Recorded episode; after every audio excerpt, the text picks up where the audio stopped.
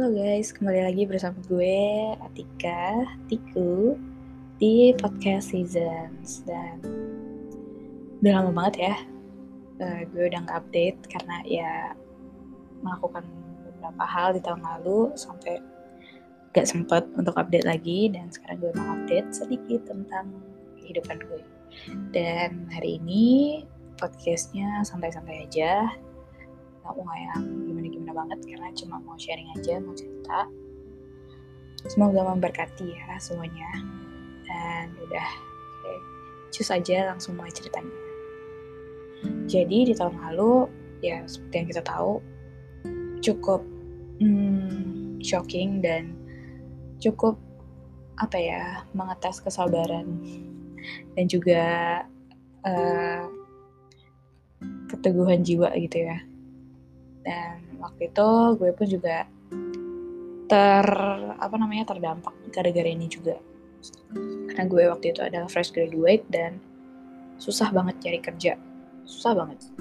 Di awal-awal pandemi itu gue masih uh, fine fine banget. Gue masih ada magang waktu itu tapi karena akhirnya ada pandemi terus WFH magangnya jadi uh, kurang banyak kerjaan. Tapi di saat itu gue masih semangat banget kayak masih sering baca-baca kitab masih rajin berdoa bahkan berdoa buat bangsa ini karena pandemi. Terus uh, rajin nyari kerja rajin bikin podcast ngeblog segala macem kayak gue produktif lah waktu itu. Ya sampai ada di titik di pertengahan tahun di mana gue udah gak magang lagi terus akhirnya harus bener-bener fokus cari kerja. Tapi susah banget apply sana sini gak ada yang jawab gak ada yang respon. Dan ya udah gue stres gitu kan. Dan emang latar belakangnya gue adalah orang yang gampang stres terus uh, overthinking uh, ambis gitu kan. Kayak tingkat kompetitif dalam diri gue tuh tinggi tapi bukan kompetitif uh, ikut kompetisi ya maksudnya kompetitif secara pribadi aja gitu. Kayak gue harus mendapatkan apa yang gue mau. Dan di saat itu gue gue adalah mendapatkan pekerjaan yang gue mau gitu kan. Tapi susah banget sampai akhirnya semangat gue tuh naik turun naik turun parah banget dan sempat drop parah banget kan. Sampai akhirnya di bulan-bulan September itu gue dapet uh, kesempatan untuk magang. Dan ya magangnya di sebuah perusahaan yang lumayan gede. Bukan lumayan sih itu gue perusahaan gede sih yang udah pokoknya udah terkenal di uh, Southeast Asia lah. Mungkin bukan Southeast Asia doang di seluruh dunia mungkin orang udah tahu tapi adanya di Southeast Asia. Nah ya udah uh, di situ gue uh, magang di posisi yang kayaknya gue mau nih kayaknya gue emang mengincar posisi ini gitu kan. Ya udah di situ gue berdoa banget sama Tuhan. Tuhan tolong dong lancarin ini supaya aku bisa keterima. Dan emang Tuhan tuh baik banget di waktu itu ya. Tanpa proses rekrutmen yang formal banget gue bisa masuk. Gitulah. Dari antara ribuan orang gue eh, ribuan sih ratusan sih kayaknya ya. Terus gue bisa terpilih gitulah untuk masuk ke uh, perusahaan ini untuk magang. Dan di awal-awal itu ya gue semangat gue seneng dong karena wah perusahaan bagus terus uh, posisinya juga gue emang pengen gitu kan mencoba posisi ini terus ya udah gue seneng tuh awal-awalnya. Terus uh, di awal-awal emang udah mulai-mulai uh, lembur sih overtime gitu ya. Cuma ya karena gue baru masuk waktu itu baru belajar juga jadi oke okay, gak apa-apa tuh gue mikirnya kan. Gue masih senang-senang aja terus kalau bisa selesaiin pekerjaan di satu hari itu uh, ya gue senang gitu kan. Tapi uh, ternyata turns out di next next next next day gitu ternyata emang pekerjaan itu nggak bisa berakhir di satu hari kayak continuous gitu loh setiap harinya. Nah tapi di hari pertama hari kedua gitu gue bela-belain kayak oke okay, nggak apa-apa nih gue di luar office hour gue masih lanjut lanjut lanjut lanjut gitu kan. Namanya juga anak baru gitu kan. Terus ya udah. Hmm, lama-lama uh, gue mulai merasa kayak aduh kok agak capek ya? Tapi oke okay, mungkin karena sistem kerjanya budaya kerjanya kayak gitu jadi ya udah. Dan di saat itu jujur gue uh, tidak terlalu punya banyak teman ngobrol karena gue anak magang cuma sendiri. Terus um, kerjanya WFH jadi nggak bisa ketemu orang. Jadi ya udah gue nggak bisa cerita ke siapa pun. Dan akhirnya uh, di pertengahan bulan pertama itu gue udah mulai ngerasa aduh capek ya. Aduh stres ya gitu kan tapi ya udah gue masih berusaha. Oke okay, lo harus bisa melewati ini tik gitu kan. Terus ya udah gue coba jalanin jalanin. Tapi kok makin stres makin stres stres stres banget sampai akhirnya gue tuh sempet drop. Gue sakit. Dan ya udah mulai dari situ tuh kesehatan gue udah apa ya udah nggak termaintain dengan baik lah. Karena gue selalu terlalu ke bawah stres dengan pekerjaan gue jadi tuh ya intinya adalah uh, gue itu kan orangnya overthinking ya. Terus agak goal oriented kayak kalau uh, gue mengerjakan sesuatu gue harus paling nggak gue bisa uh, menyelesaikan hal itu. Atau enggak paling uh, minimalnya lah gue mencapai target yang gue mau gitu kan walaupun nggak selesai. Nah jadi uh, di saat itu tuh job desk gue adalah salah satunya dan utamanya adalah ngebalesin orang. Pertanyaan-pertanyaan uh, mereka gitulah lewat uh, media sosial gitu. Dan karena gue anak magang gue nggak tahu segalanya. Jadi uh, pertanyaan mereka tuh kebanyakan pertanyaan teknis yang di mana gue makin nggak tahu dong. Jadi gue harus nanya dulu ke orang yang lebih tahu atasan-atasan gue dan mereka pun juga harus nanya lagi ke orang yang lebih tahu gitu. Di saat orang-orang yang nanya itu mereka menuntut jawaban. Dan gue sebagai orang yang harus memberikan jawaban gue merasa stres karena uh, menurut gue kalau gue bis belum bisa ngasih jawaban yang mereka pengen yang mereka pengen dengar ya gue belum selesai gitu kerjaan gue dan di mana gue itu menangani orang gak cuma satu. Ada beberapa orang setiap harinya. Dan itu bikin gue stres banget. Kayak uh, seakan-akan gue dikejar-kejar oleh eh, orang-orang ini untuk mendapatkan jawaban tapi gue pun gak bisa ngasih jawaban secara langsung gitu. Dan ya udah akhirnya gue makin stres makin stres dan di luar itu pun ada job desk lain yang harus gue kerjain. Dan gue gak belum bisa beradaptasi dengan uh, sistemnya aja waktu itu kan. Jadi udah gue stres dan gue makin aduh parah banget deh waktu itu. Sampai gue udah nggak ngerti lagi sama diri gue sendiri banget. Dan di mulai di pertengahan uh, bulan itu yang gue udah mulai makin stres-stres itu almost every night gue berdoanya malah supaya Tuhan kasih gue sakit aja. Kayak gue mau sakit aja lah. Gue mau sampai buruk-buruknya I want to end my life lah. Tuhan kalau mau ambil nyawaku sekarang juga gak apa-apa. Malah aku seneng kayaknya. Gue berpikiran kayak gitu almost every day karena gue udah saking stresnya saking depresinya. Dan not just that suicidal thoughts. Gue bahkan ya melakukan hal-hal yang uh, suicidal gitu. Kayak gue berusaha minum obat-obatan kayak dalam dosis berlebih. Uh, obat-obatnya itu uh, paracetamol paracetamol ya bukan obat-obatan terlarang gitu. Gitu terus I tried to hurt myself juga dan di saat itu adalah yang paling buruk. Ya gue nggak bisa cerita ke siapa-siapa. Karena gue nggak mau menjadi beban buat orang lain tapi gimana ya? Gue merasa gue udah menjadi beban untuk diri gue sendiri dan gue nggak mau gue jadi beban buat orang lain. Gue stres banget uh, di saat itu.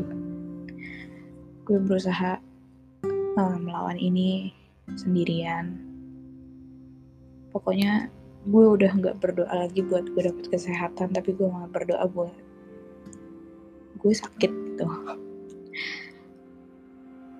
Ya gue gak tahu sih kenapa apa yang bikin gue sampai bisa berada di titik se depresi itu waktu itu.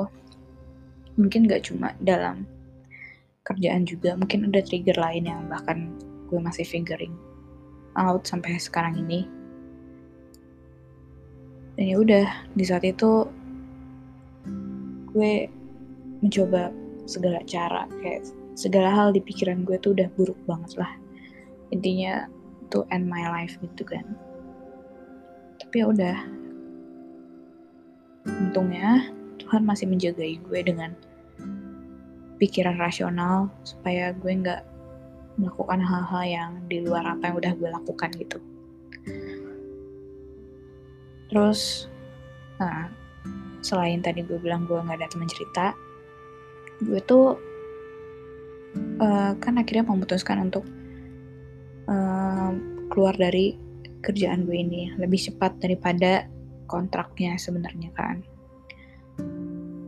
Dan di situ kayak nggak ada yang membela gue waktu itu not even my parents gitu kan.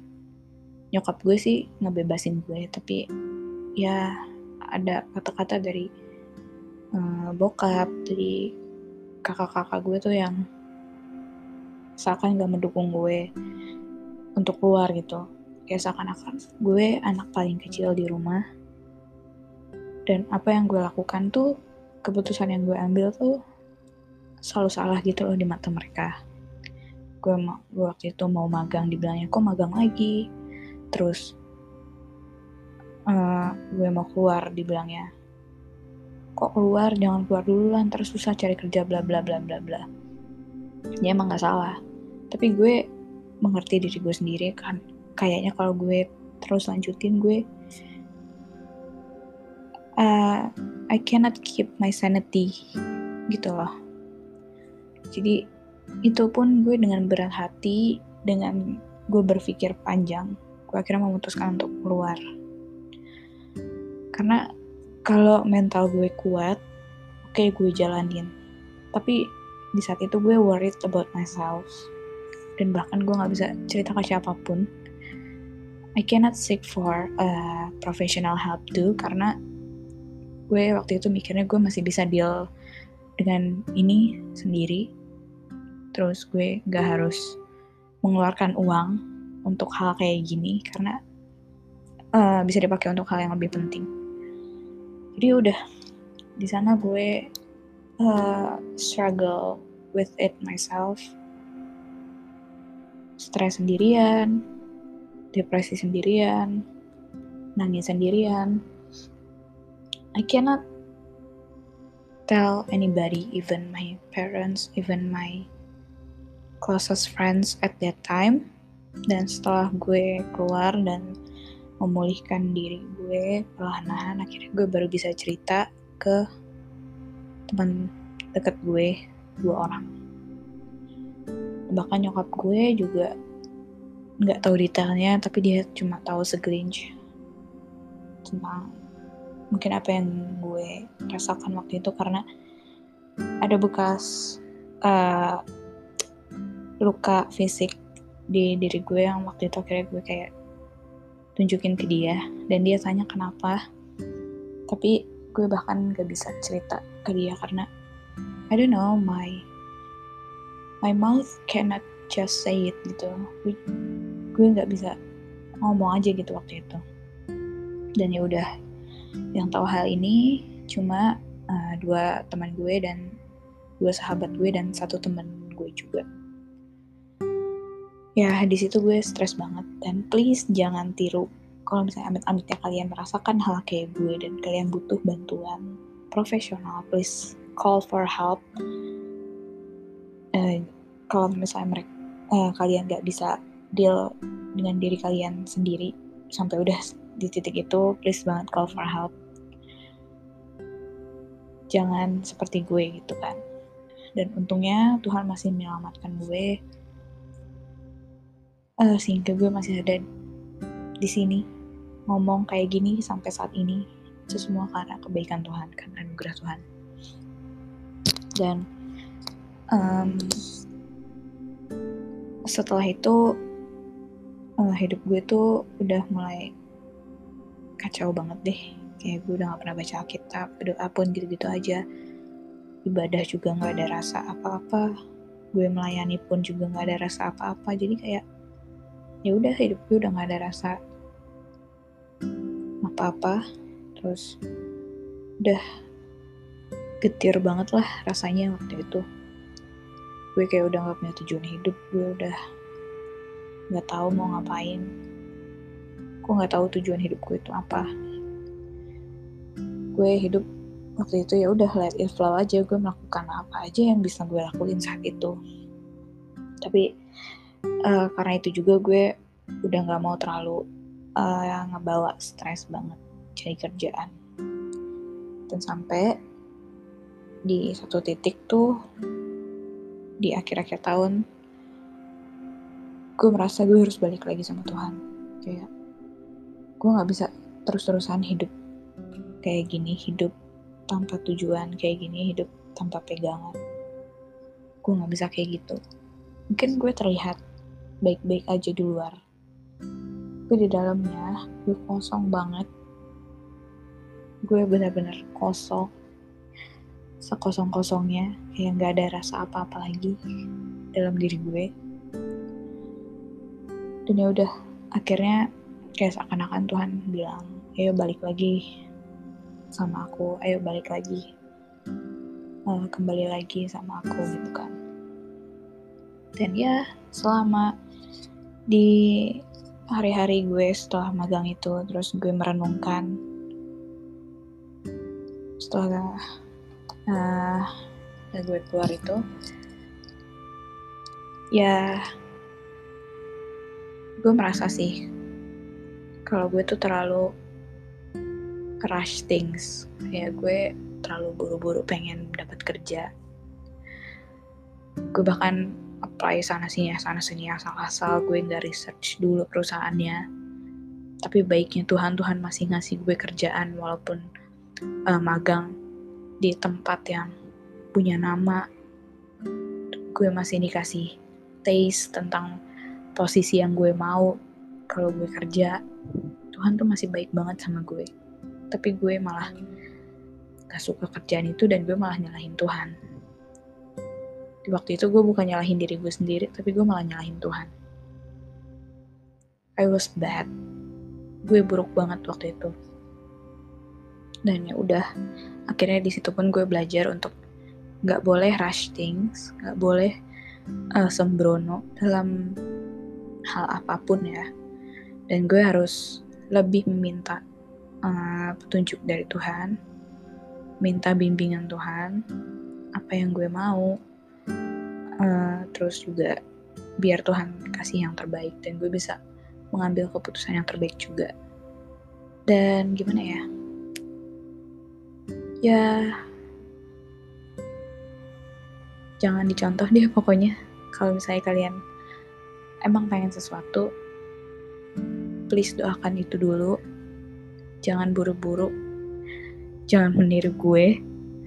Karena ya kalau Tuhan udah kasih karena kita ngeburu-buruin itu karena kita ngeburu-buruin uh, kehendak Tuhan ya dan kita nggak suka, ya jangan salahin Tuhan ya.